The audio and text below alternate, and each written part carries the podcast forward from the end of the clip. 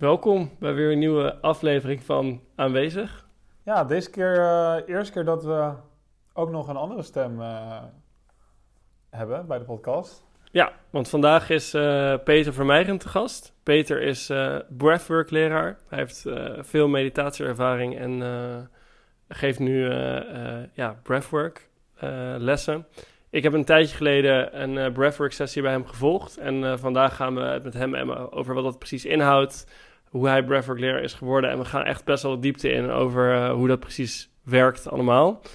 Um, dus ja. ook wel hoe je het kan integreren op je spirituele pad en uh, wat voor obstakels daar dan allemaal weer bij komen. En uh, ja, het was eigenlijk echt heel erg. Ja, het was een heel leuk en leerzaam gesprek. Dus veel plezier met het luisteren. Verder is deze podcast mede mogelijk gemaakt door audionerds.nl. Zij hebben ons geholpen met een extra microfoon, zodat we ook Peters stem konden opnemen. Dus zoek je nog apparatuur voor je feestje bijvoorbeeld, dan kun je naar audionerds.nl gaan.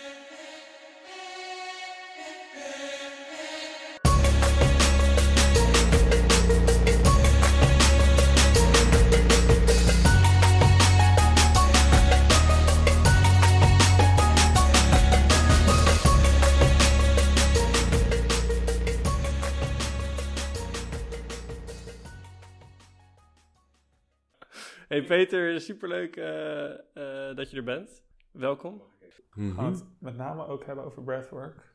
Ja. Jij, bent, uh, jij weet er veel van. Ik niet zoveel, Marijn een heel klein beetje. Ja, ik heb natuurlijk een paar maanden geleden bij jou een sessie mee mogen doen. Ja, ja. Hoe was dat voor je? Ja, nou om te beginnen uh, zijn we eigenlijk wel even heel uh, benieuwd van uh, hoe, hoe ben jij eigenlijk met... We, gaan het denk ik zo nog heel veel hebben over, over breathwork inhoudelijk. Mm -hmm. Maar ik denk om te beginnen dat het ook leuk is om even te horen van jou hoe jij met breathwork eigenlijk in aanraking bent gekomen. Je hebt natuurlijk ook daarvoor heel veel, heel veel gemediteerd. Ja. En hoe je vervolgens ook nou ja, breathwork leraar wordt. Dus als je mm. daar iets over zou willen vertellen. Ja. Um, ja, twintig jaar geleden werd ik voor het eerst wakker. Dat was mijn eerste meditatieervaring. Dat was uh, een soort opening die daarvoor totaal niet was. Ik was helemaal niet spiritueel, maar ik ging voor het eerst mediteren. En uh, de hemel opende zich letterlijk. Dat was heel bijzonder. En uh, dus ik was daarvoor helemaal niet spiritueel. was er totaal niet mee bezig. Echt niet. Maar er begonnen lichte interesse te komen. Zeg maar. Ik was eind twintig toen. En toen begonnen lichte interesse te komen. En ehm, doordat ik iemand zag als voorbeeld, uh, ging ik het ook doen. En toen, ja, echt de eerste, de eerste keer dat ik ging zitten, de eerste keer in mijn leven dat ik stil ging zitten ja. en mijn adem ging volgen, was al een, had een enorme impact. En uh, een, een, totale mindshift. En dat, dat, dat was zo bijzonder dat ik dacht, ja, hier moet ik toch meer van weten. dat, dat is het begin van de zoektocht geweest. Ja, ja. ja. En, uh, um, ja, dat begon met, met, met yoga, met, met zen-meditatie en later Tibetaans boeddhisme uh, bij Rigpa in Amsterdam. Uh, ook bij Shambhala ben ik nog geweest. Okay. Nou verschillende stromingen gevoeld en meegemaakt en gedaan. Um, ja, voor mij was het een, een heel mooi pad. Want het is, meditatie is prachtig. Ook moeilijk. Weet je wel, het is, het is toch lastig. Je voelt weerstand elke keer dat je gaat zitten. Ja, ja. en dan moet je toch even doorheen. Ja. En, en soms is het even niet, maar ja, je ego protesteert toch altijd wel. Ja, ja, ja, ja. ja. En op welk punt in dat pad, want je hebt het echt over, het is echt een flinke uh, meditatiecarrière. Op welk punt ben je in aanraking gekomen met, met breathwork? Dat is 2,5 jaar geleden. Oké. Okay. Al vrij recent. Ja. ja, vrij recent, ja. ja. ja. Daarvoor deed ik wel ademoefeningen. Ik, uh, ik gaf ook mindfulness op, uh, aan, aan 12-jarigen op groep 8. ja. Um, en daar deed ik wel eens een Tumo-oefening mee. De Ja. Inner Fire. eh, Wat Wim Hof ook wel doet. Oh ja, ja. Maar dan meer vanuit de Tibetaanse traditie. Dat ik wel eens een Tumo-oefening. Dan stel je voor dat er een ruimte is in je buik. En dat je een vuurtje hebt in je buik. En kinderen zijn daar heel erg goed in. Om dat ook echt te voelen en te doen. Dus, Ja. dus die zitten echt... Als ze dat doen, dan, oh, ik voel het helemaal, het wordt helemaal warm. En dus dus het, het vanuit, je, zeg maar, vanuit jezelf dat, eh, dat onwillekeurige zenuwstelsel gaan reguleren, dat is voor een kind eh, blijkbaar niet zo heel ingewikkeld. Voor, voor volwassenen wordt het al wat moeilijker. Maar eh, dat was heel mooi om te doen. Dus ik was met dat soort ademoefeningen ook bezig bij kinderen. Ehm, ik deed, eh, deed veel aan sport daarnaast. Dus ik deed ook lange afstanddingen. Dus triathlons en marathons en zo. Waarbij de adem ook steeds enorme invloed op- had op mijn prestaties, Ja. merkte ik. Ik heb ook weer een marathon gelopen op een pranayama-oefening. En ehm, ja, dat, dat, dat, was, dat, dat was enorm. Dat waren zo'n beetje de eerste tekenen. En ik dacht, ja, die adem, daar moet ik toch eens een keer wat mee. Want dat is toch wel heel bijzonder. Ja. Eh, maar ik heb dat, die adem nooit zo sterk gelinkt aan eh, met name mentale processen waar ik daar geïnteresseerd in ben. Van, met name in dat bereiken van, van diepe meditatieve staten van geest. Tot ik het een keer ervaarde. Ja. En dat was 2,5 jaar geleden op een festival. En het was, was een spiritual village. En ik ging daar, was een ademsessie. Ja. Gewoon geïnteresseerd en eh ja. festival, ik kijken wat het een is. beetje ademen, wel leuk.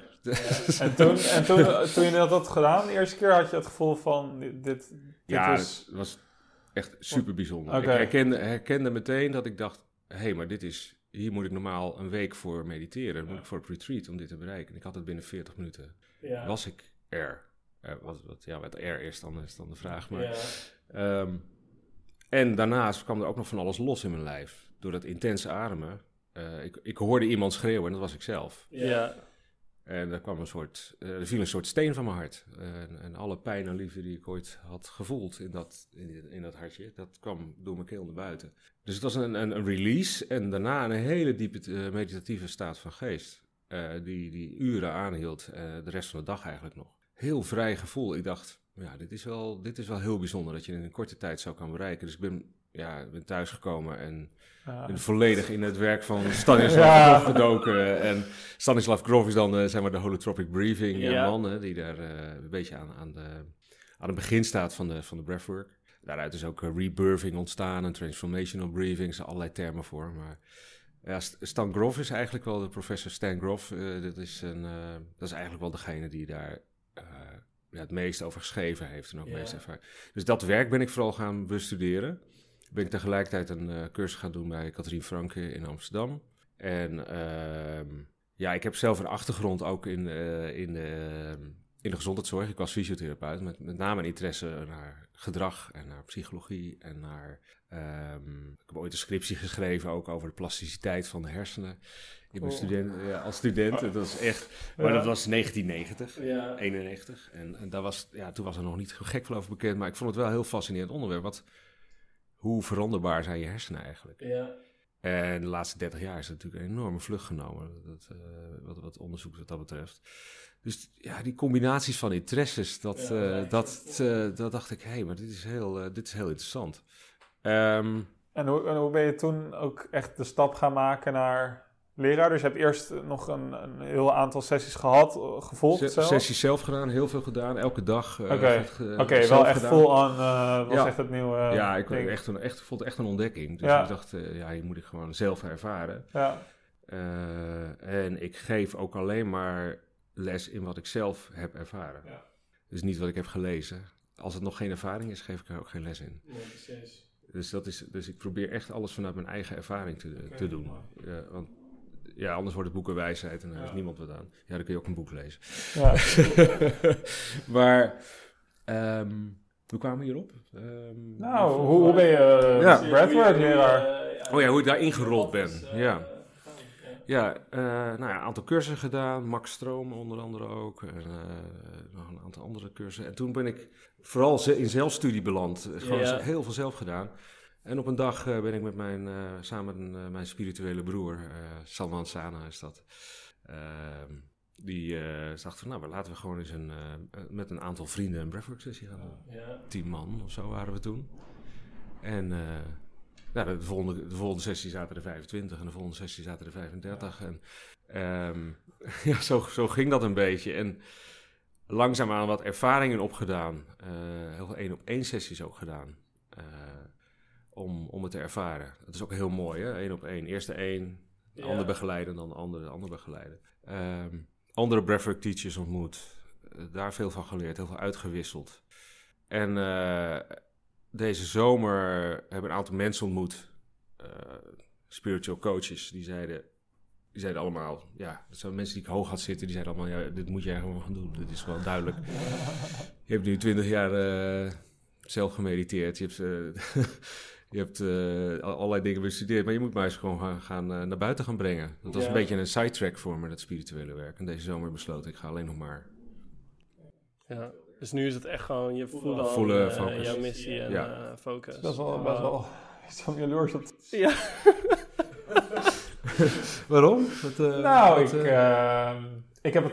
Ik, ik zou. Ik mediteer heel graag en ik, ik geef nu ook wel wat les online en eh, daar haal ik ook plezier uit. En ik heb wel eens bedacht van, "Mwah, het zou wel wat zijn om de hele, de hele week eh, hiermee bezig te zijn. En, eh, ja. en dat, dat is toch lastig om daar van een, eh, van een bepaalde interesse van jezelf echt een, een, iets ook nog aan te verdienen. En, eh, Ja. ja, dat is ook nog steeds een... eh, dat is, Dat niet een- het hoofddoel, Nee. maar, maar dat is ook wel een uitdaging. Ja. Dat is zeker zo, ja. Dat is, eh, ja. Maar Ja. dat, eh, er gebeuren allerlei bijzondere dingen. Gewoon Ja. voelen dat je in de flow zit. ja. En dan ontstaan er ook dingen. En, eh, en nu ook de laatste maanden was het toch een, eh, best wel een mooie tijd om even te reflecteren. Waar ga ik me op focussen? En wat past nou echt bij mij? Wat heb ik nou in, in de wereld te zetten? En dat, dat, daar was die stille coronatijd best wel een goede tijd voor. Ja. Alright, laten we even wat dieper op ingaan wat het nou is. Breathwork. Ja, Ja. ehm, hoe, hoe ziet zo'n sessie eruit? En wat, wat, er, wat zijn de resultaten en waarom zou je het doen? Wat is het Hmm. en waarom zou je het doen? Ja. Ja. ja. Hoe ziet een sessie eruit? Ehm, nou, een live sessie die de laatste maanden niet meer heeft plaatsgevonden, maar eh dat hebben we nu toe Ja. online heel veel gedaan. Ehm deed je vaak met een groep mensen, tussen de 10 en de 20 of 30. Ehm, zoals ik het doe, dan zal ik het hele proces beschrijven, is dat we al- altijd beginnen met mediteren. Dus we beginnen altijd even met eh, gewoon grounden, zitten, voelen hoe je je voelt op, die- dag. Ehm, dan doen we een, een ademoefening. Weet je, dat- kan van alles zijn. Van pranayama oefeningen tot eh box breathing. Of er zijn verschillende vormen van ademhalen om, eh, met verschillende doelen. Dat hangt ook een beetje af van het thema van zo'n sessie. Ehm, dan eh, vaak hebben we een soort uitwisseling om ook een beetje intentie te zetten voor die, eh, voor die sessie. Dus een inquiry naar elkaar. Eh, en dan is er even een plaspauze en dan gaat iedereen liggen. Dan gaat de muziek aan en de lichten wat gedimd. En ik, zoals ik het geef, is dat ik het in cycli doe. Dus ik, eh, dan wordt er intens in- en uitgeademd, zonder pauze naar de in- en de uitademing. Dus je ademt vol in, dus echt. Zo op die manier. En dat doe je een flink aantal minuten. En aan, na vijf à zes minuten, dan zeg ik nog drie ademhalingen. Nog drie diepe ademhalingen. En dan adem je volledig uit, helemaal leeg. En dan heb je een meditatief moment waarbij je lichaam helemaal leeg is. Waar je niet meer ademt even. Dus je uitademing hou je vast. En eh, dus dan, dan is het lichaam leeg, maar vaak ook de geest leeg. En dan ben je even met de sensaties die je voelt door het ademen. Ja. Wat, ja, wat ik bizar vond aan dat moment in die, eh, in die breathwork sessies, dat je dus ook normaal gesproken als je even je adem inhoudt, dan merk je na 10, 15 seconden wel dat je echt denkt van oeh, ik wil nu wel weer heel graag gaan ademen. Mm. Maar omdat je, je bent eigenlijk al 5, 6 minuten enorm veel zuurstof aan Ja. het opbouwen in je lichaam, dus je merkt ook fysiek en, en mentaal gebeurt er van alles. Mhm. Maar omdat je in één keer, nou ja, ik denk dan dat het komt dat je heel veel zuurstof in je lichaam hebt. Dat je, je, je, je kan echt heel lang dan je adem inhouden, zonder dat je ook maar een impuls krijgt van, oh, ik moet weer gaan ademen. Ja, en dat is natuurlijk heel, heel fundamenteel. Dat is, eh, weet je, dat- we hebben, we hebben zeg maar drie echt fundamentele functies die voor ons, ons, ons levensbehoud, dat is eten, eh, seks als voortplanting en ademen. En, Ja. Nou ja, van die drie, welke zou- kun je het meeste missen? ja, dus het is, eh, waarschijnlijk valt seks dan als eerste af als je echt moest kiezen. En, dan, en daarna eten. Zijn, zijn yogis die nauwelijks eten. Dat schijnt te kunnen. Die leven Ja. van één, eh, één glas melk per dag bijvoorbeeld. Eh, volgens de verhalen. Eh, maar niet ademen, dat is, dat is onmogelijk. Dus als je echt in- inderdaad even twee minuten niet ademt, dat is, dat is eigenlijk heel bijzonder. En dat, dat geeft ook een soort verstilling in je, in je geest, die, die heel meditatief is. Dus, ja, dus wat, wat er gebeurt, je ademt heel diep in en uit, uitademend, hou je vast. En dan zeg ik, adem in en dan adem je volledig in. En dan breng je de energie zeg maar, van je bekkenbodem omhoog, helemaal naar je derde oog, of soms nog wat hoger. En dan hou je daar vast. Dus je geeft een, echt een druk omhoog. En je zet hem vast in je voorhoofd. Dus je brengt als het ware de, zeg maar de, de, de wijsheid van je lichaam omhoog in de wijsheid van je geest. Dus alles wat er, wat er is, alle sensaties die je voelt, alle misschien wel blokkades, misschien wel hele fijne, eh, fijne emoties of, of eh, moeilijke emoties. Alles breng je omhoog in die wijsheid, in het licht. En nou, die cyclus die herhalen we.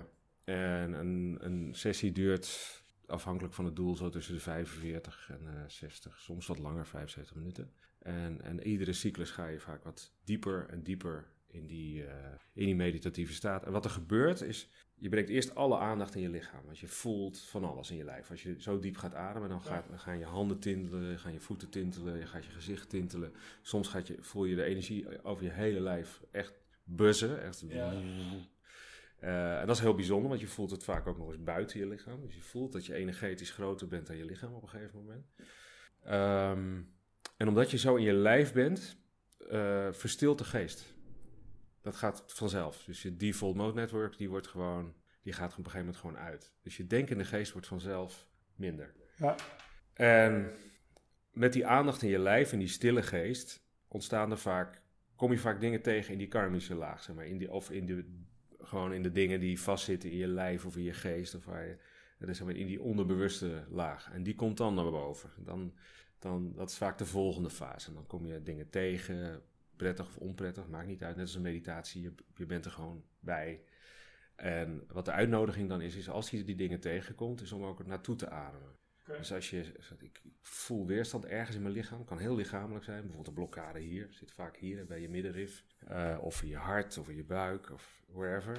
Adem er naartoe. Dus iedere inademing adem er naartoe. En laat los op de uitademing. Adem er naartoe. Laat los op de uitademing. Elke keer dat je er naartoe ademt, breng je eigenlijk een soort aandacht, een soort liefdevolle ademaandacht ja. naar die plek.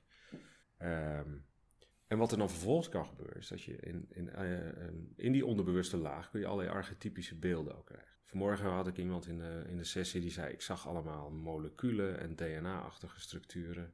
Uh, want die was heel erg aan het focussen op een bepaald gebied in de, in de buik. En die zag toen allerlei ja, een beetje biologische. Nou, dat hoor je vaak. Okay. Dat mensen soms uh, spiralen zien of DNA-achtige structuren.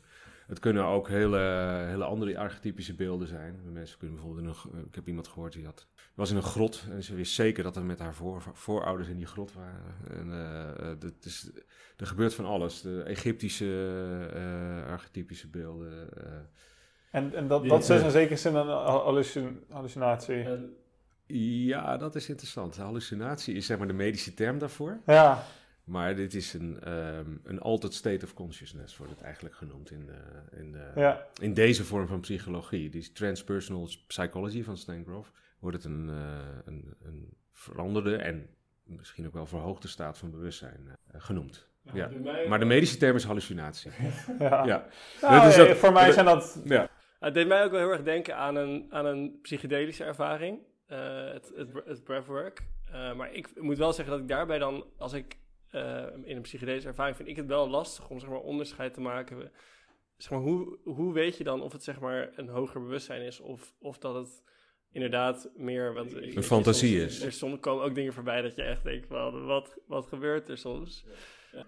ja, het interessante is dat je dat als je dat vaker gaat doen en je geest beter lid kennen... en mensen die lang hebben gemediteerd, die hun geest goed kennen... die herkennen dat verschil wel heel duidelijk. Ja. Want dit is een dagfantasietje, of dit is een, of dit is, hey, dit is een betekenisvolle inzicht. Ja. Uh, nou, toevallig heb ik gisteren ook een heel interessant onderzoek uh, langs zien komen van Imperial College. Die doen dus inderdaad onderzoek naar psychedelica hè, ja. uh, op dit moment, naar psilocybine. Ja. en, um, en dan, dat, met name voor mensen met treatment-resistant de, depressie. hoe heet het in het Nederlands?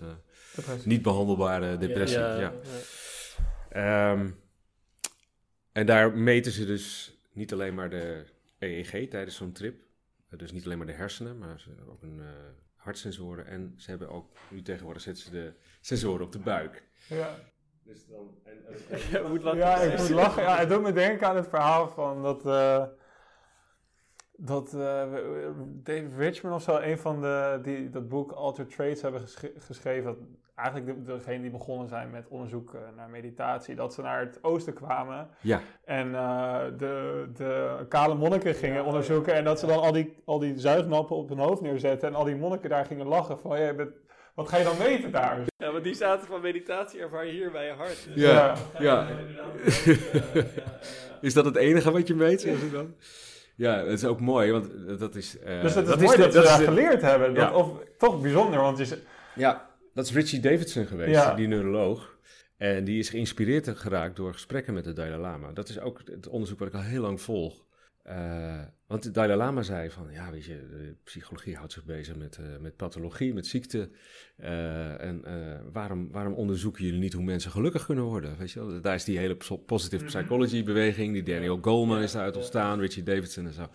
En wat de Dalai Lama zei, en die heeft de Mind and Life uh, Conference uh, is die gestart. Hè? Met, dan komen, één keer per jaar komen al die uh, neurologen en hersenonderzoekers bij hem op bezoek. En dan hebben ze het over het bewustzijn en over geest. En, en een van de eerste vergaderingen zei hij van in boeddhisme heb je de onderscheid tussen gross mind en subtle mind, een very subtle mind. En, uh, en uh, waar we natuurlijk nu in, met ons mee bezighouden, het meten van die hersenen, is natuurlijk de gross mind. Dat is het materiële. Dat is, uh, en, midden in zo'n vergadering zei hij een keer, ah, one day you will find the subtle mind. just kidding, zei hij. dat was heel grappig. Ja, dus we hebben nog een hoop, hoop, te doen, denk ik, op het gebied van, van, van, onderzoek daarnaar. Wat is nou eigenlijk bewustzijn? Ja. ja. Imperial College. Daar hadden we het over, ja. Um, ja, dan meten ze dus uh, de, de hersenen, het hart, maar ook sensoren op de gut. Ja. ja. En een van de, van de leuke feitjes die uh, in dat onderzoek zijn, we hebben meer neuronen in onze buik dan een kat in zijn hersenen heeft.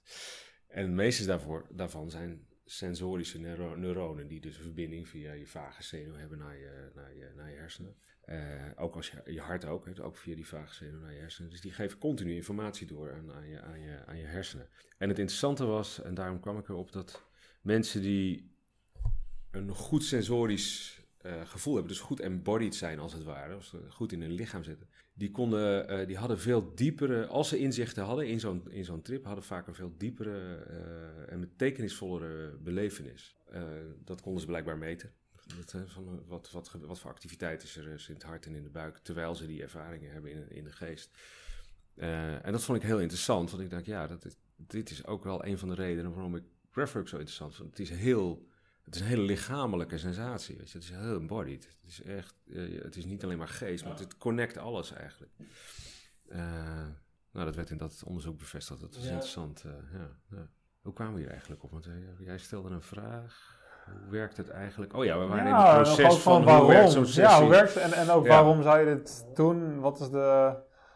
Ja, het, het klinkt vooral interessant en een leuke bezigheid. En waarom zou... Maar, ik, ik, ergens heb ik interesse, maar, ik, oh, ja. maar waarom zou ik hier uh, hmm. aan, aan mee gaan doen? En, hmm. Nou ja, het, het, is wel gewoon heel interessant. Als er steeds consciousness, ja, daar wil je gewoon meer van ervaren in zekere zin. En ergens, ik denk dat dat, dat inherent al uh, heel veel, uh, waar je, dat je er heel veel uit kan leren. Überhaupt het feit dat hoe we nu de realiteit ervaren ook maar één manier is om, mm ja, dat, dat, je op verschillende manieren naar je, je geest kan kijken, dat dat wel helpt. Um, maar ja, we, op wat voor manier zijn er, zeg maar, wat zijn de voordelen van, van het beoefenen hiervan? Voor mij is het een uh, snelle manier om je geest en bewustzijn te leren kennen. Dus het, is een, uh, het is een soort uh, mindfulness on steroids, zei iemand tegen mij. Ja. dat vond ik wel een hele grappige uitspraak. mindfulness on steroids. Daar doe je mindfulness mee tekort, want mindfulness is een hele mooie practice. Maar um, dit is een manier om wat sneller door je ego-weerstand heen te breken. Oké. Vaak als je gaat zitten is het soms moeilijk om daar doorheen te komen. Wel als je langer gaat zitten en je krijgt meer ervaring, dan wordt het wel wordt het makkelijker. Maar, uh, dus een van de dingen die voor mij gebeurde, was dat ik een betere meditator werd. Ik kon wat, die, die verbinding tussen mijn open awareness en wat er in mijn lijf gebeurt, dat, die, was, die is veel meer open gaan staan. Dus ik had minder, minder weerstand. Um, en ik gebruik nu ook een hele korte ademsessie voordat ik ga mediteren. Oké. Dus dan ga ik even een paar keer, drie keer dertig, even diep ademen.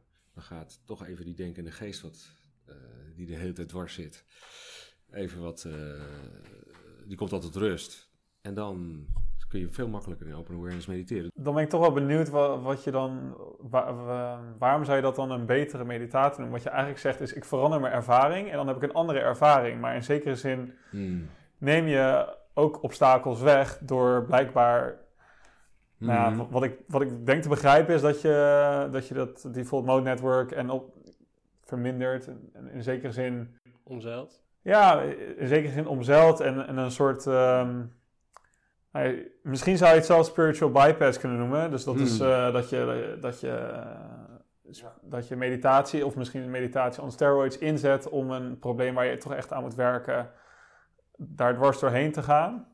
Dus er zijn een beetje twee vragen in één dit. Maar misschien de eerste is eigenlijk van... Ik, ik denk dat je een betere medita mediteerder wordt door meer, meer te beoefenen. En in zekere zin is juist de beoefening het terugkomen naar de ademhaling... en niet zozeer dat je minder bent afgeleid. Ik ben wel Hmm. benieuwd hoe, jij, hoe, hoe je Ja. dat ziet. Ja, ja dat, is, dat, is, dat is, vind ik een hele interessante opmerking. En eh, alles wat natuurlijk zo'n intense ervaring is, dat kan enorm bevrijdend zijn. En tegelijkertijd als je, kan het ook een bypass zijn. Of een, een, een, zelfs een gevangenis worden. Dat je alleen maar naar die ervaring wil.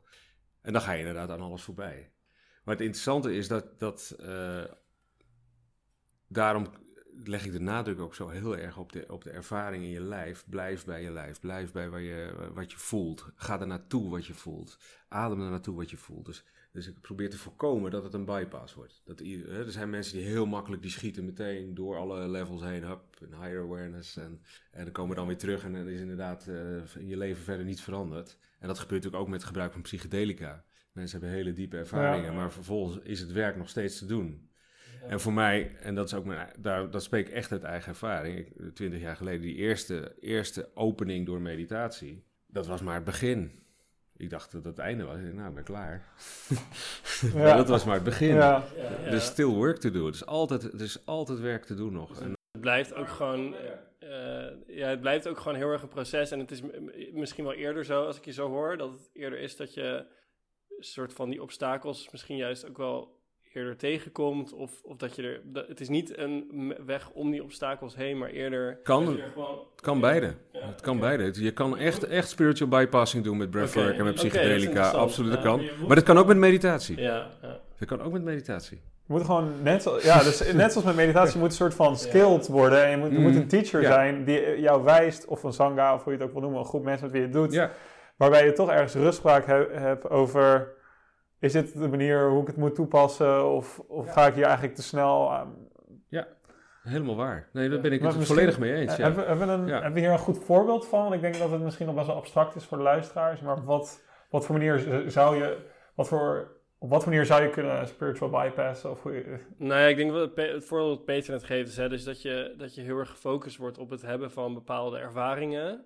eh, in plaats van, zeg maar, dat, dat het juist een onderdeel is van, van, je, van je pad en van het leren om tegen obstakels aan te komen en daar steeds meer oké mee te worden. Ja, ja. Dus als je heel erg gefocust bent op steeds weer die ervaring, die ervaring, dan probeer je heel erg om, om je problemen heen te mediteren, denk Mm. ik. ja. In plaats van dat je je meditatie ziet als een manier om, om daar juist met je, met je obstakels in contact te komen en er eh, mee, ja, mee te leren zijn, soort van zonder Mm. er weerstand tegen te hebben. Ja, ja ik, zie het, ik zie het zo dat, dat als je begint met mediteren, dan zit je als het ware onder de wolken en kijk je Ja. tegen de wolken aan. En dan kom je die tegen en af en toe is er even een opening. En dan denk je, oh, oh ja, zo kan het zijn. En dan gaat hè, weer de volgende wolken en gedachten en, eh, en, en afleidingen en kleisja's en noem maar op. En, maar ehm, als je af en toe zo'n ervaring hebt gehad dat je boven die wolken bent geweest, dan is dat dan geeft dat ook een soort mogelijkheid van, oh oké, van, van er is, oh, dit is, dit is dus zoals ik mijn bewustzijn eigenlijk is. Natuurlijk kom, zak je weer terug en, en kom je weer onder de wolken, maar die, die ervaring is toch iets wat heel waardevol eh, is. heel waardevol kan zijn. Nou, ja. wat ik denk dat dat. eh, ik zie meditatie wel, als je begint met meditatie, is het gewoon een beetje een zure appel aan het begin. Want je, je moet een Mm. soort van heel veel tijd investeren. En je, je- we zeggen wel met z'n allen van ja, de resultaten komen direct. Maar ergens is het ook gewoon.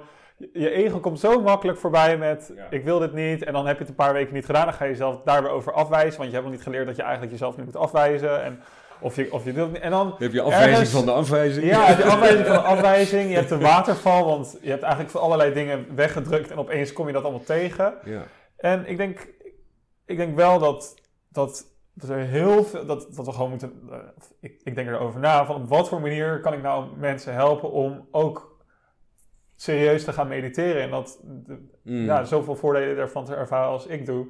En ehm, ik, ik, ik denk dat, dat, dat er voor heel veel verschillende mensen verschillende paden zijn om dit serieus te nemen. En ik denk ook zeker dat eh, een, een, een diepe ervaring of eventjes om, om de hoek kijken, zeg maar, zo voelt het voor mij. Eventjes kijken van, oh, hoe is het, hoe is het daar, zeg maar. Dat dat wel heel veel op kan leveren in de zin van, eh, ja, voor, je motivatie en voor geloven dat het Ja. iets, iets is om waar, wat waardevol is om eh, te ontdekken. Ja, ergens, eh, je kan je best wel voorstellen dat als je begint met mindfulness, dan is het niet obvious dat je gelijk een ervaring hebt van, oh, dus, dus dit, zo kan mijn geest ook zijn. Terwijl als je een breathwork sessie doet, eh, of, of nou, zeg maar, dus om even de vergelijking ook te maken met psychedelische ervaring, Mhm. dan weet je gewoon dat wat je ook doet, ook al ben je geen, geen goede mediteerder, de- Mm. dan ga je echt een heftige ervaring hebben en ga je je bewustzijn heel anders ervaren dan je dat Ja. normaal doet. Hangt er vanaf. Dat is niet altijd zo. Oké. Kijk, wat, wat er gebeurt is dat je. Oh, er, is- er zijn zoveel aspecten wat jullie allebei zeggen. Ik weet niet eens meer waar ik moet beginnen. Laten we zien waar we uitkomen. Ja, wat, wat, wat, er, wat er gebeurt is dat je eerst je lichaam ingaat. Dan kom je allerlei dingen in je lichaam tegen. Ja. Eh, nou, dat, dat kan soms de ervaring zijn Ja, met breathwork. Dat het daar gewoon bij blijft. Gewoon een lichamelijke ervaring. Ik voel me eh, energized, er zijn wat dingen losgekomen. Eh, dat is goed, dat is ook, en ik denk ook dat het wel bepalend is hoe je zo'n breathwork sessie insteekt. Ik steek hem heel erg op de geest in. ja, Als je hem heel erg lichamelijk insteekt, dan zal ook dat zijn wat mensen ervaren. Ja. Eh, ehm, en ja, dat lichaam, soms is dat het. En soms kom je inderdaad in de geest allerlei, eh, allerlei weerstanden tegen, allerlei ego-patronen, de dingen die, waar je al langer tegenaan liep, of die dingen die weggestopt zijn en die ineens naar boven komen. Ehm, dat kan ook de ervaring zijn. Dan kom je niet verder dan dat. Dat is het dan. Je zit dan in die, in die, in die rommel. Ja. en ehm, daarbovenop hè, kun je weer een ervaring hebben van... oh, ik krijg allerlei archetypische beelden eh, eh, door. En daarbovenop kun je misschien doorbreken naar... eh, die, die, die, die, die geest van, van transcendentie, die geest van rust en die geest van openheid. Eh, maar niet iedereen gaat in één keer door al die lagen. Nee, heen. nee, nee, Dat, is, eh, dat, is, dat is heel wisselend. En, Ja. eh, en ik heb zelf af en toe dat nog steeds. Dat het gewoon, soms is het een hele fijne lichamelijke ervaring. Nou, dan is het wat het is. En soms eh, is het een hele spirituele ervaring. Dus het, het, het is niet zo dat, dat, eh, dat het altijd nodig is. En, en sommige mensen moeten een aantal keren breathwork doen om een keer zo'n zo'n ervaring te hebben. En andere, ja, sommigen hebben het helemaal nooit. Dat kan ook. Die Ja. zijn gewoon, die van, nou, dit is lekker voor mijn lichaam. Ja, precies. Van fysiek, eh, ja, zoals je en, ook misschien... ik word er ontspannen van. En dus, eh, dat is ook een beetje de, je, je, je, je spirituele inclinatie, denk ik. Het, niet, Ja. het, het maakt niet zoveel uit ook. Ja, je, je gaat er toch heel erg in ook met, met waar je zelf op dat moment tegenaan loopt. Dus ik bijvoorbeeld Ja. merkte zelf, ik heb best wel eh, achtergrond met paniekaanvallen. Dus voor mij was het ook heel erg dat ik in die sessie merkte dat ik soort van leerde ook omgaan met die, met die angst. Ik vond het ook wel spannend, want je, Mhm. ik bedoel, eh, om een beetje een beeld te geven van hoe zo dat gaat. Je gaat heel diep inademen, heel diep uitademen, ook nog heel erg snel. Ja, En je merkt dat gewoon hele soort van dingen die je normaal, eh, hoe je lichaam normaal voelt, zo voelt je lichaam nu echt niet meer. nee. Dat Alles gaat trillen en... En, eh, en krampen kun en je krijgen. Enorme krampen. Dus Ja. ik, kon mijn, ik kon mijn vingers niet meer bewegen. En eh, ja, je merkt, ik merkte in ieder geval dat ik, dat ik eerst werd ik heel erg tegengehouden door die angst. Maar ik merkte ook best wel snel dat, dat je in zo'n diepere laag, of in ieder geval dat je soort van je ego, eh, je default mode network, waar het wel eens mee wordt Mm. geassocieerd. Ik weet niet Mm. precies welke het is, maar je, je voelt dat die op een gegeven moment ook zeg maar, aan kracht afneemt. Dat je veel Mm. meer gewoon in Ja. het moment komt. eh, maar dus voor mij was het heel erg dat ik met die angst omging. Maar ik kan me heel goed voorstellen dat als ik daar niet mee had gezeten van tevoren, dat ik dan weer ergens anders terecht was gekomen. En dat je daarmee dan aan het oefenen bent. Zoals je dat eigenlijk ook met meditatie hebt. Ja, zeker, zeker. En eh, eh, je hebt zo, iedereen heeft zo zijn eigen barrières te slechten Ja. om, om al die kanalen te openen om echt connected te zijn tussen alle energiegebieden. Dat is ook een van de redenen waarom ik heel vaak ook die reis maak door uh, die verschillende energiegebieden in je lichaam. Omdat je dan aan elk gebied gewoon evenveel aandacht geeft. En bij de, hè, want, dan, dan ga je, begin je gewoon bij je eerste chakra, tweede chakra, derde chakra. En elke cyclus ga je daar weer... Hè, dus, en net als met mindfulness geef je gelijkwaardige loving attention voor alles wat er, wat er opkomt. Ja. Als er nou heel veel, heel veel problemen in je buik zitten, nou dan is dat... En, en wat bedoel je precies met die, uh, met, die, met die chakra's? Dus... Uh... Uh, ja, de energiecentra. Die zijn een beetje symbool ook voor, uh, voor allerlei... Uh, ja, ik vind het wel een soort metafoor voor alles wat je in je leven meemaakt. Dus je basischakra is gewoon je, je, gezondheid en je, en je stabiliteit en je, je financiën. Daar heeft dat mee te maken. Ja. Dat, dat, dat, dat, heeft als symbool de, maar de, de, het laagste deel van je wervelkolom, onderste puntje van je stuitje. Daar, daar zit het energiecentra centrum daarvoor. En dan het tweede is de seksualiteit, de creativiteit, de, de, je vitaliteit. Dat is uh, je, je, tweede energiegebied. Nou, dat is hartstikke leuk als je dat... En zo ga je verder. Hè? Ja. Buik is je inner fire, je drive, uh, je ego uh, durven neerzetten. En ja, gewoon je ego als tool ook gebruiken. Dat is, dat is helemaal niks mis mee. Als het maar een tool is. -hmm. je hart, de liefde, connectie, zesde chakra is je, je keel, de communicatie, hoe, hoe jou, jou, jouw waarheid de wereld inbrengen. De zevende is de intuïtieve, of zesde is, sorry, vijfde is de keel. De zesde is de intuïtieve wijsheid van je, van je derde oog, het licht. En uh, de zevende is higher transcendent consciousness. Um, en daar kun je heel mooi, ook met, uh, met ademen, kun je dat echt voelen. En als je erover leest, is het natuurlijk gewoon, ja, is het boekenwijsheid. Maar als je het gaat voelen, dan is het, hey, oké, okay, oh, daar, is de, daar zit dus mijn uh, blokkade. En, of daar zit mijn blokkade. Ja. Of, daar, of, daar, heb ik nog werk te doen. Uh, en, en, en, als eerste wat je doet met die adem is gewoon aandacht erbij brengen. Maar best wel op een intense manier. Want je ja. ademt elke keer naartoe. Oh, voel dat. Adem er weer naartoe. Oh, voel dat. Oh, voel, voel weerstand. Oh. Ja. ja. En, en, en dan voel je ook ineens hoe, hoe emoties en lichamelijke ervaringen uh, hoe emoties en lichamelijke ervaringen met elkaar verbonden zijn. Uh, dus het is echt een embodied practice. Ja. Dat, dat, vind ik er zo mooi aan. Ja. Terwijl het ook een volledig uh, geestelijke ervaring is. Ja. En um, hoe zou je het zeg maar zien in verhouding met, uh, want je, je doet ook mindfulness volgens mij. Mm -hmm. Hoe zie jij zeg maar de verhouding tussen, uh, tussen breathwork en andere stromingen? Is, is het iets wat soort van de plek over kan nemen in sommige situaties van, van een andere meditatie die je misschien doet? Of hoe, hoe verhouden ze zich tot nou, elkaar, ik, denk je? Ik, vind, ik mediteer nog steeds. Dat is Ja. basic. Dat is basic practice voor mij. Ja, precies. Dat vind ik ontzettend belangrijk om gewoon stil te zitten en te kijken en te voelen. Zonder dat je dingen verandert. Ja, Dus daar begin ik altijd mee. S ochtends, ja, het is gewoon zitten, voelen, ademen, open awareness, focused attention. En dan doe ik drie keer dertig wat ademen en dan ga ik meer, dan ben ik meer in staat om nog meer in open awareness te zitten daarna. Eh, dus dat, dat is een beetje de ochtendpractice. Zo, zo doe ik, het. Dus ik vind dat het absoluut bij elkaar hoort. Meditatie, ademwerk, dat hoort absoluut bij elkaar. Nee, dus de- je zegt nu je, je ochtendsessie is zowel meditatie als breathwork. Ah, ja. Maar net zo goed eh, ervaar je van alles door de dag heen. En een van de dingen waar ik heel erg blij mee ben, is dat het dan soms gebeurt dat ik daar gewaar van word en eh, met mijn aandacht bij kan zijn en daar op eh, vriendelijke en niet veroordelende manier eh, Mhm. ja, mijn, mijn ervaring kan verbeteren. Mhm. Is dat dan ook een 1-2'tje voor jou? Dat, je, dat het niet meer een meditatie is, maar nu een even kort mediteren en eh, even snel breathwork eroverheen? Of, zeg maar, hoe, eh, hoe zie ik dat voor me?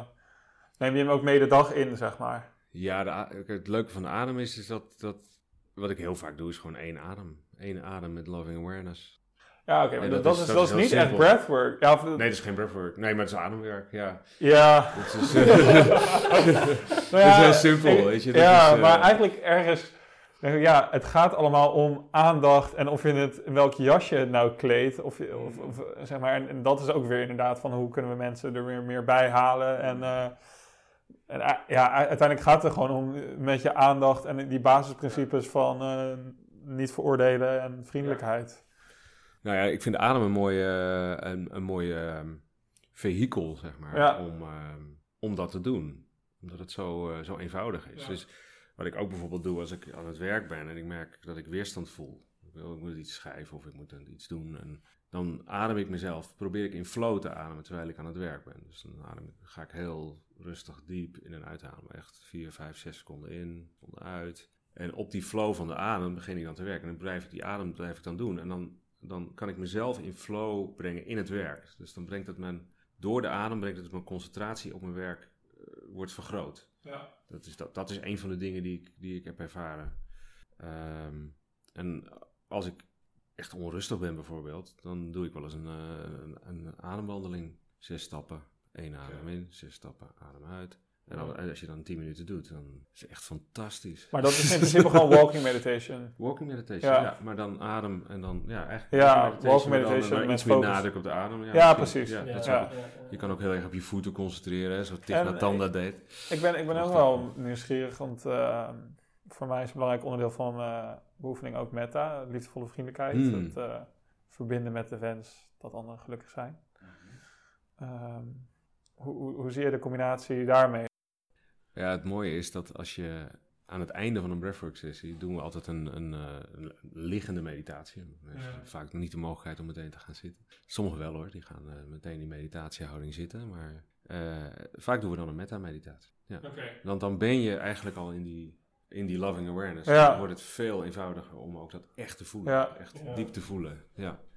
Ja. Ja, voor- voor- Ja. het is, klinkt heel logisch voor mij, want ook als ik merk, als, als mijn geest onrustig is en ik ga proberen meta te doen, dan, dan, dan komt er niks van, zeg maar. Nee. Dan ben ik zo weer afgeleid en Ja. Ik ga altijd eerst naar open awareness, eerst Ja. dit moment accepteren en vanuit ontspanning probeer ik dan met het beoefenen. Ja. En ehm, ik denk dat dat iets is wat we allemaal in ons hebben en een natuurlijk iets is om mee, ja, om dat op te zoeken. En dat wat, ik heb dat ook wel tijdens Vipassana retreats, iets meer in de vorm van dankbaarheid, eh, maar ook wel met eh, spontaan ervaren. Je doet dat ook op de laatste dag, maar ik, voordat ik ooit iets over meta heb gehoord, had ik al iets wat ik had ik al iets ervaren wat, wat ik zou kunnen zeggen dat dat meta was. En ik denk ook wel ja, dat dat, dat dingen zijn die, die dicht bij elkaar liggen. Dat, dat zeg maar, we hadden het eerste, ge- voordat we, we hebben het vooral over mindfulness gehad en tot rust komen. Ergens ook, als je daar eenmaal bent, word, word je een soort van weer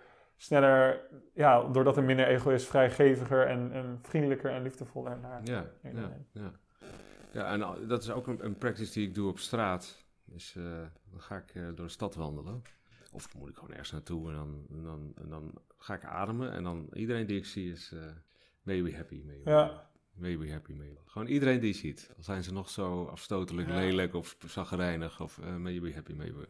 En zo door de stad lopen, nou, dat is echt fantastisch. Dat is, dan kijk je zo anders naar de wereld. Ja, ja. ja. Dat, is- dat vind ik zo'n mooie practice. Dat, is, eh, dat heb ik dat inderdaad gewoon. Dat is gewoon natuurlijk een hele eh, diepe boeddhistische practice. Echt misschien wel de basispractice, denk ik, metta. Prachtig. Ja, ja, Ja, mooi. Dus, dat dat ook eh, eh, toch ook wel een verbinding heeft. ja, ja, Ja. zeker. Ja, ja absoluut. Ehm, ik ben nog wel benieuwd. Je, hebt, het- je zei eerder even iets over van hè, als je eh, geschiedenis hebt met ehm psychoses of eh, ik weet niet wel, depressie, epilepsie geloof ik. Mhm. Ehm, zijn er nog, zijn er zeg maar lichamelijk, ik kan me voorstellen, er vo- voordelen zijn, ze kunnen er ook die verkramping of zo, ze kunnen er ook eh, ja, risico's of nadelen aan zitten. Eh, eh, zoals je nou, bijvoorbeeld, eh, als je kijkt naar psychedelica, zitten natuurlijk ook eh, risico's aan. Is dat dan, geldt het dan ook voor breathwork? Hoe, hoe kan je dat het beste zien? En kan je ook een bad trip hebben. Ja, precies. Ja, dus, dus lichamelijk als mentaal kan het, zou het mis kunnen gaan.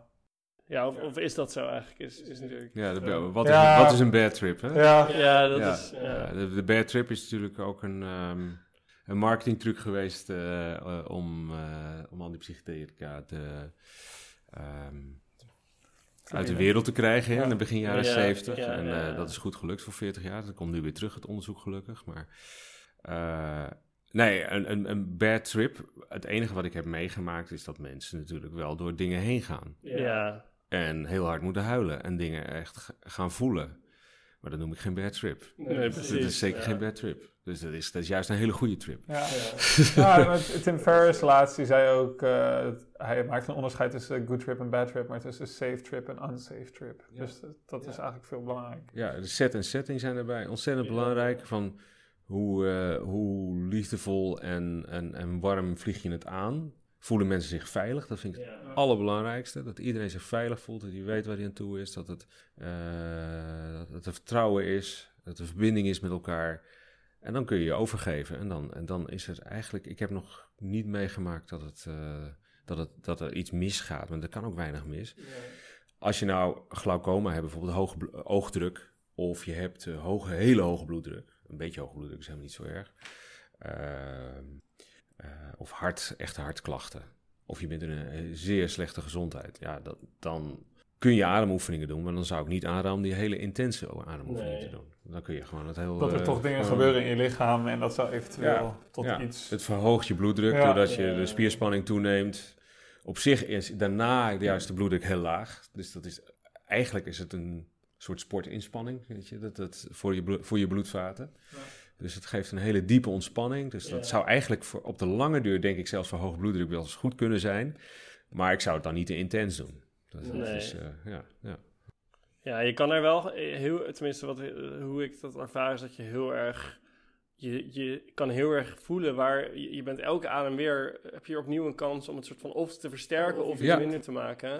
Dus elke, elke seconde kan je eigenlijk zelf ook je ervaring You're in control, ermee. ja. je bent heel erg in controle. Uh, dus dat is wel heel fijn. Ja, en het was ook een hele veilige setting met hoe, hoe je het begeleiden en, en uh, hoe je iedereen ook even, uh, ja, een soort van hebt uh, ontvangen en, en die setting hebt.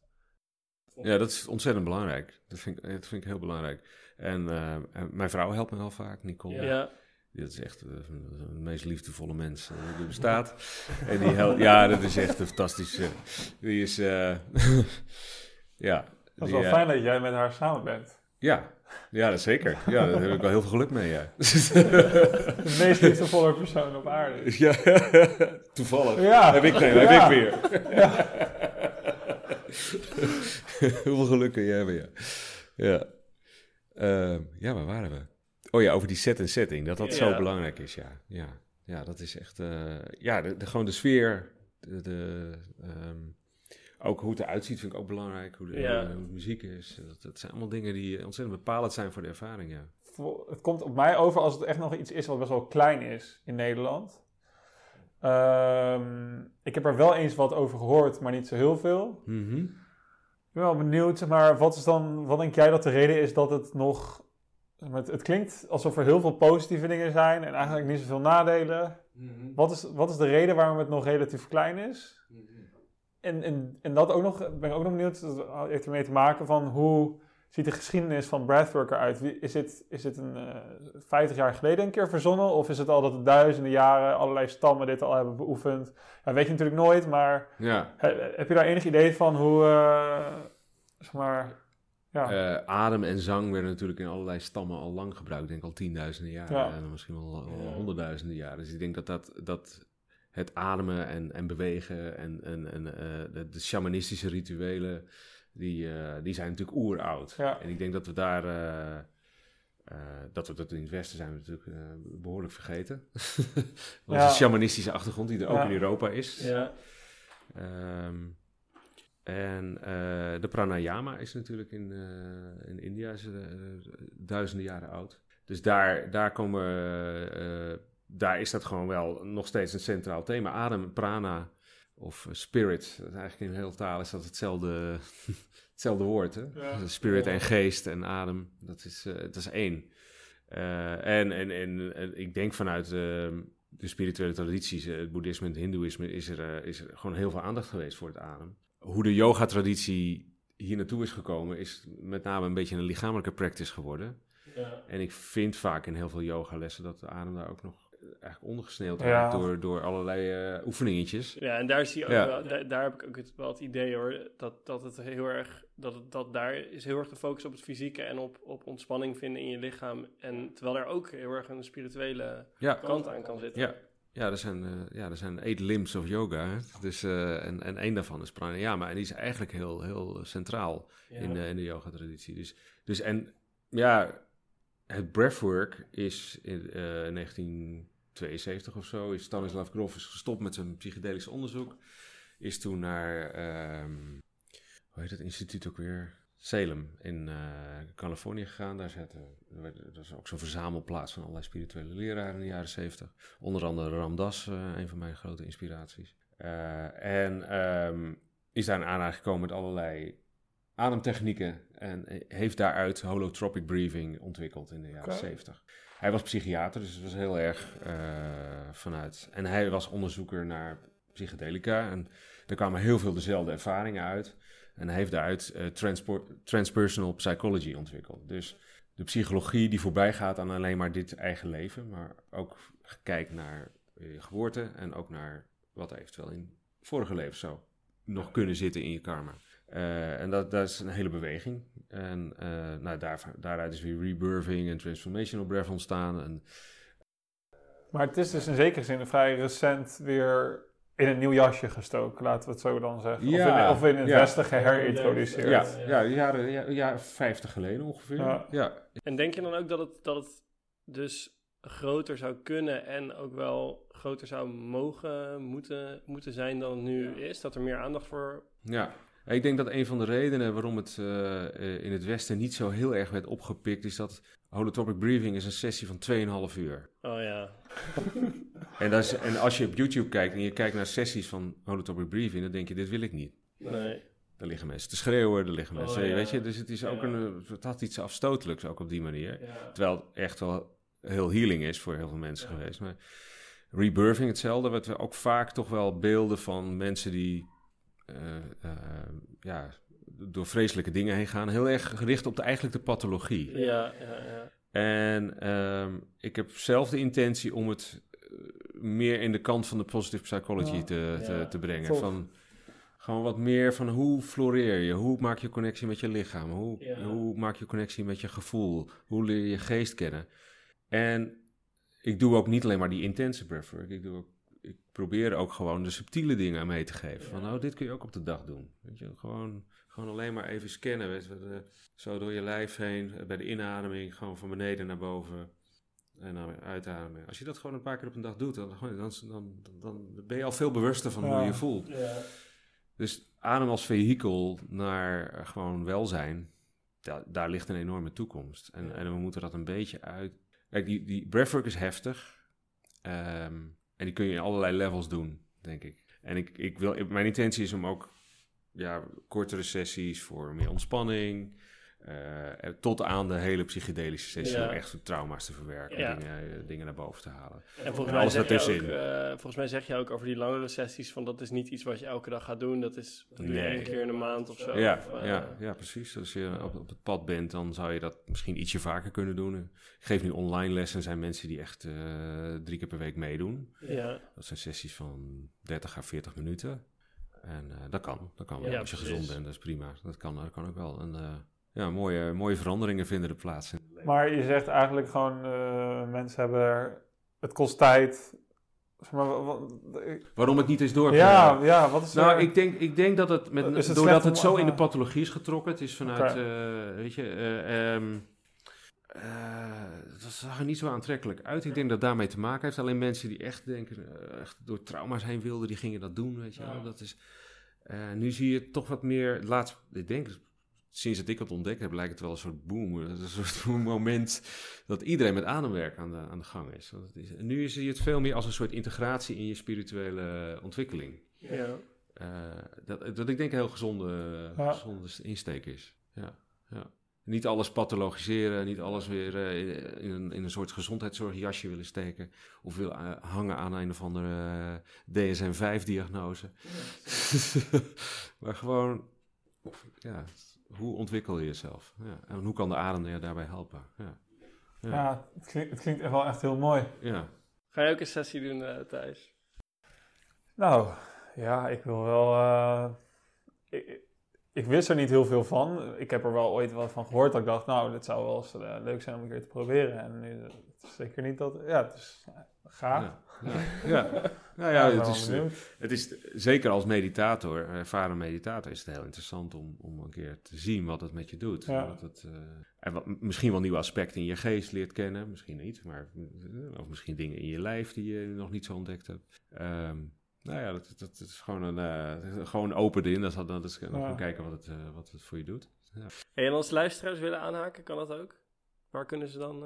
eh, Eh, ja, breathofreedom.nl kun je het vinden. Of op mij volgen op Facebook, Peter Ja. Of Breath of Freedom op Facebook. Of Insta. We zullen uitgebreid verwijzen in de Ja. show notes naar... eh, Ja, ja. mensen. Dankjewel. Maar ja, ja, het is de hele social media gedoe is wel, het kost wel, dat is een van de dingen dat als je dit doet, eigenlijk wil je gewoon lekker sessies doen. En, maar ja, je wilt ook andere aandacht brengen. En ik vind dat toch ook wel een, een gedoetje, moet ik eerlijk zeggen. Ja, dan moet je ook nog helemaal bij mensen op bezoek om een podcast op te nemen. Ja, ook dat. ja, en, het hele, en het hele pathologische beeld moet je soort van... Ja, eh, ja, ja, ja.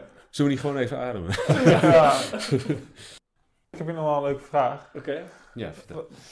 Waar, waarvan ben je overtuigd waar maar weinig anderen mee eens zullen zijn? Oh, oh, die overvalt me. Met iets anders ik, dan... ik, denk eh, dat, ik, denk dat, eh, eh, ja, ik, ik denk dat wij alwetend zijn. Dat wij de pot- allen de potentie hebben om alwetend te zijn. En dat betekent? Alwetend? Wat, wat versta jij eronder? Dat in feite, als je een vraag stelt, dat hij er eigenlijk het antwoord er al Ja, dat is denk ik iets waar mensen, niet, niet heel veel mensen het mee eens zullen zijn. Maar ik denk dat, voor mij was, ik, ik, een van mijn spirituele voorbeelden is Dilgo Khyentse Rinpoche in Tibet. Prachtig ding van Papa Sambhava, dat quote hij altijd. En eh, dat, dat kwam bij mij recht naar binnen toen ik die quote voor het eerst hoorde. Dus, hij, ehm eh, cut not the root of phenomena, cut the root of the mind. And uh, cut not the root of phenomena, because they are endless. Cut the root of the mind. If you could, uh, cut the root of the mind, um, you will know one thing and everything is solved. Zoiets dergelijks. Dus het is echt... en ik denk dat daar iets heel essentieels in zit.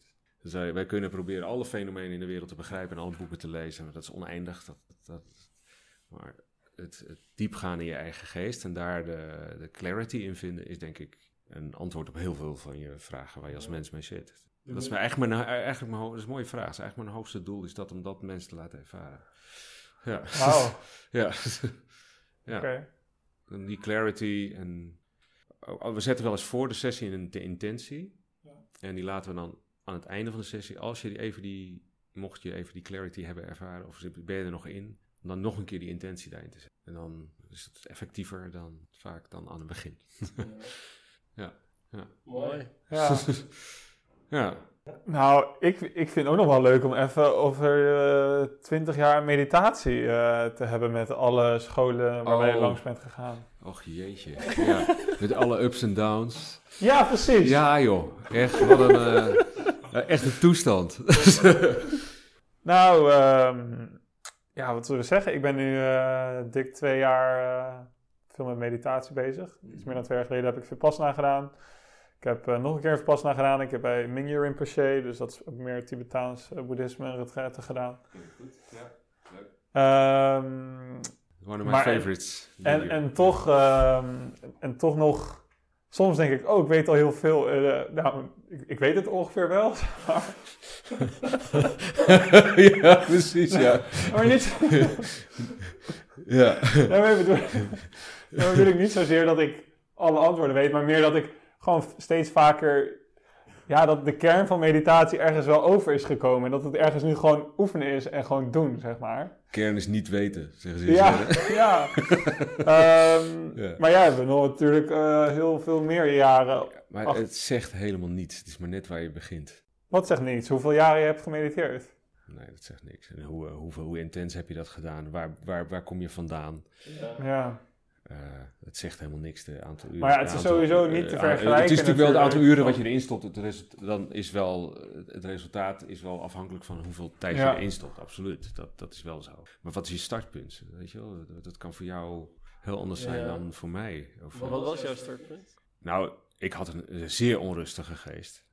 Een onrustige eh, thuisfront ook. Het was, het was niet slecht, maar wel, nou, het was niet erg spiritueel, zullen we maar zeggen. Ja. Ehm to say the least. en, ehm, maar toen had ik ineens die, dat wakker worden van één keer mediteren. Dus ik had, ik had beide. Maar toen, dat, toen ik wakker was een paar weekjes en eh, ik mijn ego daarmee eh, nam ik mee, zeg maar. Dus ik verloor het weer. Maar in die periode van een paar weken dat ik dat dat heb ervaren, ging ik spontaan mediteren. Ik ging gewoon zitten. En ik wist hoe ik moest mediteren. Ik, ik kon zelfs moederaars voelen. Oh, ook als ik, als ik mijn wijsvinger en mijn duim, dan voel ik de energie daar. En dan, mijn oh, dan voel ik het daar. Eh, dus ik, ik, wa, ik was even in die staat van, oh ja, zo, zo moet je dus mediteren. En toen was ik het kwijt. Nou, dat is balen. Dus ik ben eigenlijk eh, ja, een soort acht jaar op zoek geweest naar diezelfde ervaring. Ja, Ja. is, eh, Die je nooit meer terugkrijgt. Dus het is een soort blessing, maar het is ook een keiharde... Ja. ja. van- Maar heeft er in die Ja. acht jaar niemand tegen jou verteld? Ja, of Ja. waarschijnlijk wel duizend keer. Duizend van, keer. Ja. Van eh, Ja. stop eens met naar die ervaring zoeken, maar je blijft het toch Je blijft- je wilt zo, het is zo bijzonder, dat wil je naar Ja. terug. Ja, dit heb Eh, Ik denk, ik laat het niet los. Weet je, ik, ik dacht echt van, nou ja, ik, Maar hoe, wat is er dan na acht jaar gebeurd dat je een keer eh, duizend en één keer dacht je van nou... ik, Of, of eh, wat gewoon wanhoop.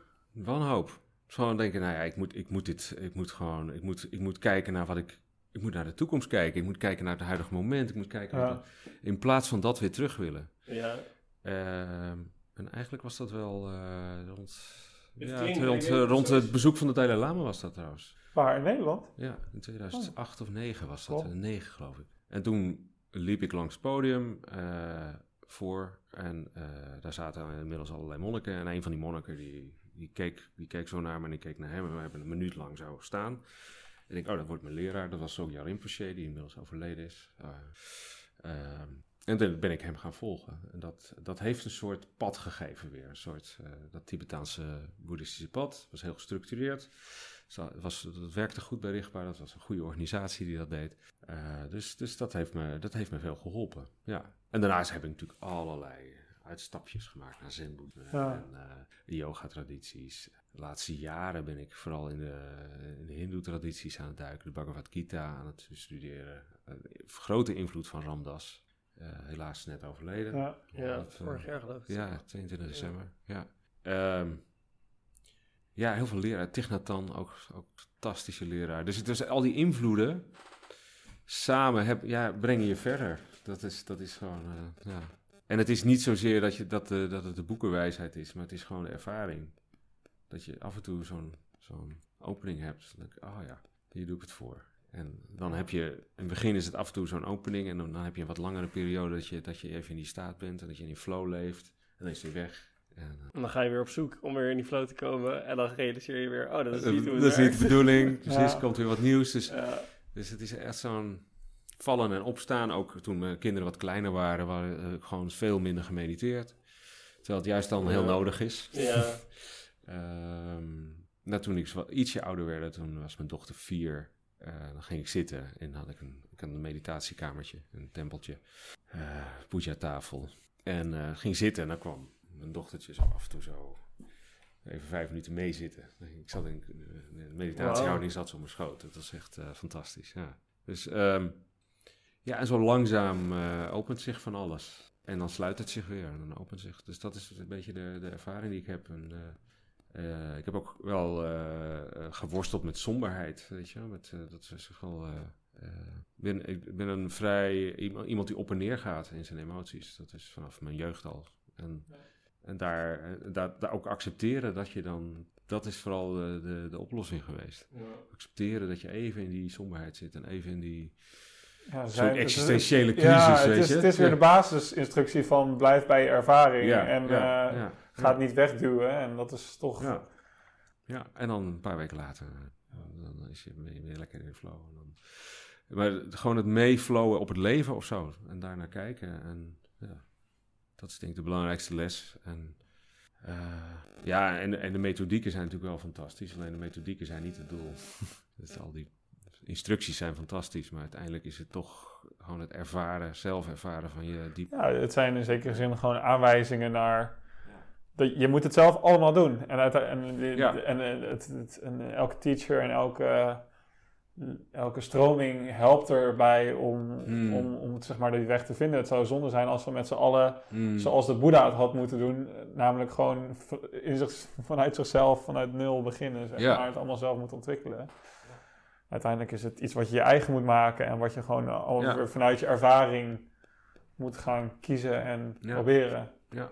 Vinger die naar de maan wijst is niet de maan. Ja. Juist, die. Ja, ja. En eh, ik was een scepticus. En ik was een gesloten scepticus. En, en, en eh, dat is langzaam getransformeerd naar een open scepticus zijn. Ik ben nog steeds wel sceptisch, maar... En, eh, maar gek genoeg heb ik altijd eh, een soort... Toen ik voor het eerst met de Dharma in aanraking kwam, was een soort absoluut vertrouwen dat dat, dat een, een, eh, een goed pad is. Dat, ja, ik vind dat zo zuiver, dat dat... eh, ja, heb het zelfs op mijn arm laten tatoeëren. Oh, wow. Guardian of the Dharma. en ik voel ook altijd een soort verantwoordelijkheid om, als ik spirituele leraren hoor, om, om het door te geven. Het, eh, dus ik- wat ik ook doe voor een breathwork sessie, dan roep ik al die ins- inspiratie roep ik even aan in mijn geest voordat we beginnen. En zo, Ja. soms heb ik ook een paar foto's bij me. Ja, Van Ramdas en van Dilgo Khyentse Rinpoche en van andere mensen die mij geïnspireerd hebben, Nhat Hanh. Eh, dat is eigenlijk ook heel boeddhistisch om dat te doen, hè. Mijn eerste leraren. dat- dat- maar ik doe dat eigenlijk, ik deed dat nooit, maar ik, doe dat nu spontaan. Omdat ik de verantwoordelijkheid voel voor de mensen die er zitten. En ik wil het zo goed mogelijk doen. En ik, Ja. kan, het, ik kan het niet alleen. Nee, het, li- het lijkt me Weet je, ook, dat eh, gevoel een beetje van, ah, ik, heb, ik heb die steun nodig. Want het is best wel een verantwoordelijkheid. Ja, het is een enorme, tenminste dat lijkt me, eh, lijkt me een enorme verantwoordelijkheid. Dat Ja. je eh, Dat voel ik ook echt zo, ja. niet, niet, niet alleen, zeg maar, want het is ook nog wel natuurlijk, eh, het is sowieso intens.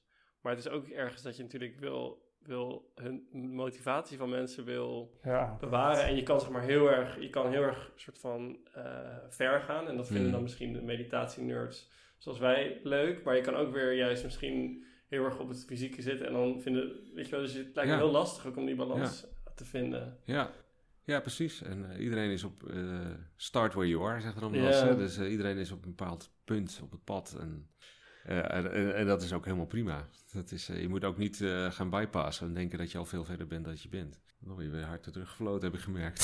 Ja, Acht jaar lang heeft dat Ja. geduurd. En ik dacht dat ik, al, eh, dat ik er al was. Weet je. Ja. Not. ja, en nog steeds niet. Nee. Nee, nee. het gaat altijd door. Wat zeg je? Het gaat altijd door. Het gaat altijd door. En dat is ook wel mooi, hè? Ja. Dat is ook wel mooi. Ja. Dat je kan blijven ontwikkelen, dat er gewoon geen einde aan zit eigenlijk. En, eh, nee. Geloof je in het, eh, wat ik bedoel, als ik naar het concept bijvoorbeeld verlichting, eh, als ik daaraan denk, dan wordt dat vaak wel beschreven als iets ja, toch wel definitiefs. Mm. s- Hoe zie jij verlichting? Is dat een concept dat je gebruikt? Of, Ja, ik gebruik het wel. En, ehm, maar het wordt zo snel een doel. Ja. Dat is natuurlijk, dat is natuurlijk dat is de, dan, dan sla je de plank mis. Eh, ik denk dat he- heel veel mensen verlichtingservaringen hebben. En ik hoor om me heen steeds meer. Om allerlei redenen. Eh, ik weet niet wat er aan de hand is op dit moment. Mensen zijn veel meer met spiritualiteit bezig. Mensen zijn ook aan het experimenteren met psychedelica. Dat kan Ja. soms ook zo'n opening geven. Ehm, en ja, dat, dat zijn ervaringen. Maar het stabiliseren van je verlichting, wat, wat Eckhart Tolle bijvoorbeeld zegt over zichzelf, dat hij het gestabiliseerd heeft, eh, dat heb ik eigenlijk maar zelden gezien in mensen. ja. Niet dat ik daar een oordeel over kan hebben, maar het gevoel dat iemand het echt volledig doorleeft. Ik heb Thich Nhat Hanh bijvoorbeeld, zie ik het wel. Ja. eh, dat is wel, denk ik, ja, jij bent wel echt behoorlijk ver. Toen ik hem voor de eerst zag, eh, sprongen de tranen in mijn ogen. Dat was op een documentaire. Jeetje, dat iemand zo kan zijn. ja. Er zou nog wel wat mensen ontmoeten die denken, ja, jij bent behoorlijk ver op het pad. Maar of het, of het een echte gestabiliseerde, continue ervaring kan zijn, vind ik bijna moeilijk voor te stellen. ja. Het, eh, ervaringen zeker, maar ik zelf heb nu zeker niet een gestabiliseerde verlichtingservaring. Helaas. Ja. ja. Ja, en misschien eh, als je het ooit zelf gaat ervaren, zeg je oké, dan is het dus wel een waarheid voor Ja, mij. Maar precies. ik kan het nog, nu nog niet als waarheid aannemen. Nee. Nee, Nee, dus omdat ik het gewoon niet ervaar. nee, nee. nee. Nee, nee. Hoe zien jullie dat? Ja, ik, ik gebruik. Ik gebruik het voor mezelf en als ik het met anderen heb, meer als, als soort van. Een soort van tip van die kant moeten we op. Maar het gaat er helemaal niet om dat je dat gaat bereiken. Het gaat meer om van. We moeten gewoon meer aan. Meer je wijst de verkeerde kant op, Ja, die kant op. ja, ja, ja, tijd. Een grapje. Maar luisteraars gaan heel raar zijn. Ja. ja. ja. Ehm, maar ik, ja, dus het betekent voor mij niks omdat het, omdat het niet, zeg maar, het is geen, iets, niet iets wat me helpt. Dus het is meer een, iets waarvan ik denk, verlichting is een soort van maximaal goed zijn in gelijkmoedigheid, in eh, liefdevolle vriendelijkheid, in aanwezig zijn, in accepteren wat er is. En ja, En Mm. eh, de identificatie met je ego, denk ik. Ja, Ja. Hmm. Ja. Ja, ik denk Ja, het is vooral een ervaring. Je kan er allerlei woorden aan hangen. Dat, dus af en toe, als ik de opening heb, dan is het gewoon een totale liefde voor alles. Dat is eigenlijk wat het voor mij is. Eh, Niet een beetje, maar echt voor alles. Dat is echt, eh, en, en een totale zelfacceptatie ook op dat moment. En een totale warmte en enorme helderheid. Ik, je hoeft, als ik, die ervaring die ik heb gehad, is dat ik, je hoeft dan een gedachte maar één keer te hebben. Daarna is het gewoon, heb je, het is meteen helder wat, wat, wat er moet gebeuren. En daarna heb je gewoon totaal, je hebt een tijd. Dat is ongelooflijk. want je hoeft maar een gedachte maar één keer te hebben. Een emotie heb je maar één keer, want dan is het meteen duidelijk. En Terwijl we normaal ben je, hè, Ja, zo ben ik weer ook, langs zo en ben ik ga ook je weer meestal. twijfelen en dan komt weer iets anders. Ja, dat is, ben je continu in dat, eh, dan ben je continu dezelfde gedachten, dezelfde sporen, ben je aan het, eh, die hele default mode network is, Ja. dat is er gewoon continu in dezelfde sporen bezig. Maar op dat moment, als er helderheid is, is er eh, Ja, als geen je- enkele noodzaak om er heel veel na te denken. Het is grappig dat je dat zegt. Ik eh, herken wel wat je zegt, dat als je dus helder bent, dus je hebt natuurlijk dagen sowieso in je meditatie dat je helderder bent dan de andere dag. Maar dan voelt het inderdaad ook alsof het langer, alsof je langer gewoon zit te mediteren. Als je 20, bijvoorbeeld ik mediteer dan s'avonds 20 minuten. Ja, Dan ja. voelen die 20, als ik alleen maar aan het nadenken ben, dan is het opeens van, huh? Is het, eh, wat, wat heb ik gedaan? Het is Ja. anders dan, heb je inderdaad veel meer tijd om gewoon er te zijn. ja. Ja, dat is mooi als je dat kan ervaren in meditatie. Dat er zo af en toe zo'n gedachte opkomt en dan is het even rustig en dan weer komt er weer zo'n gedachte. Ja. En, ja. en dat, ja. ja, dat is wel bijzonder. Ja. Ja. ja, dat, ik merk dat ik er weer naar verlang. Om te mediteren. Ja, Eh, waar nou, om die, om die, die, die, die, Oh, helderheid, die ja. helderheid Ja. die er af en toe is. Ja. Het is toch zo bijzonder om te er- ervaren. Hoe hou je dan die balans tussen eh, die helderheid? ehm, de, dat vind ik zelf ook wel lastig. Van hoe hou je zeg maar, die balans tussen die helderheid verlangen, maar ook weer niet eraan vasthouden? Dus zeg maar, je kan natuurlijk heel makkelijk eh daarnaar gaan streven. Ja, ja dat, is, dat is best wel een hele lastige. Ja. Want ik merk, terwijl ik erover praat, ben ik bijna denk ik, oh, ik wil het weer. Ja, precies. Ehm, maar ja, door gewoon, door gewoon eh, te leven als een goed mens, dat is, daar word je toch het meest gelukkig van. Gewoon hier op aarde, weet je, in je lichaam, en met mensen om je heen, met, eh, met je eigen emoties. En, eh, en weten dat dat gewaarzijn er is. Een soort vertrouwen daar ook in hebben, Ja. dat het er altijd is. Ja, die helderheid is er altijd, alleen het is Je ervaart het misschien een beetje niet. een beetje geblokkeerd vaak. Dus ja, ja. Ja. En ik, ik ervaar het vaak in connectie met mensen. Die helderheid even. Met, als je met fijne mensen, met, z'n- met jullie zo'n een fijn gesprek, dan ervaar je die helderheid. Ja. Ja. Ja. tenminste, herken je dat ook? Dat je, Ja, zeker.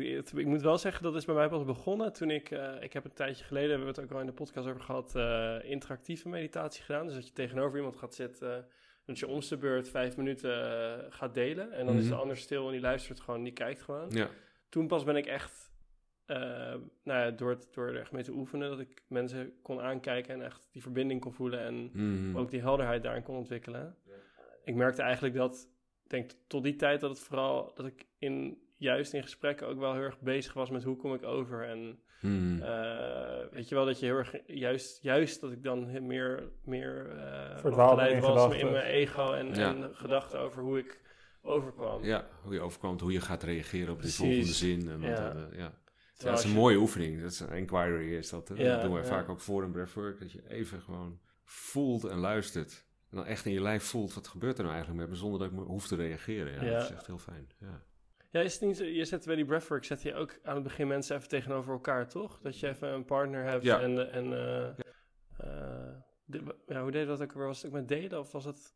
Eh, de inquiry volgens mij. Ja, dus. Ik weet niet of dat... Ja, het verandert wel eens methodiek, maar In stilte en dan gewoon... stilte één vraagt vijf minuten dezelfde vraag. Oh ja, ja. Waarom ben je hier vandaag? Bijvoorbeeld. Ja. Waarom ben je hier vandaag? Ja. Ja. Waarom ben je hier vandaag? En dan, en dan, ja, dan ga je vanzelf wel dieper. Ja. Ja, ja, ja, ja. Ja, Ja. dat is een echt prachtige methode. En de ander alleen maar luisteren en, en de vraag stellen. En luisteren en de vraag nog een keer stellen. Ja. Ja.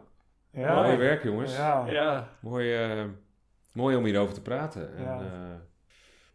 Mooi dat jullie zo op het pad zijn. Dat vind ik ook wel mooi. ja. Nee, super fijn dat je ook... eh, nee, super leuk dat we je konden uitnodigen en eh, dat we Mhm. hier zo eh, hebben gepraat. Ja, ik Ja. ik vond het... eh, het is heel fijn.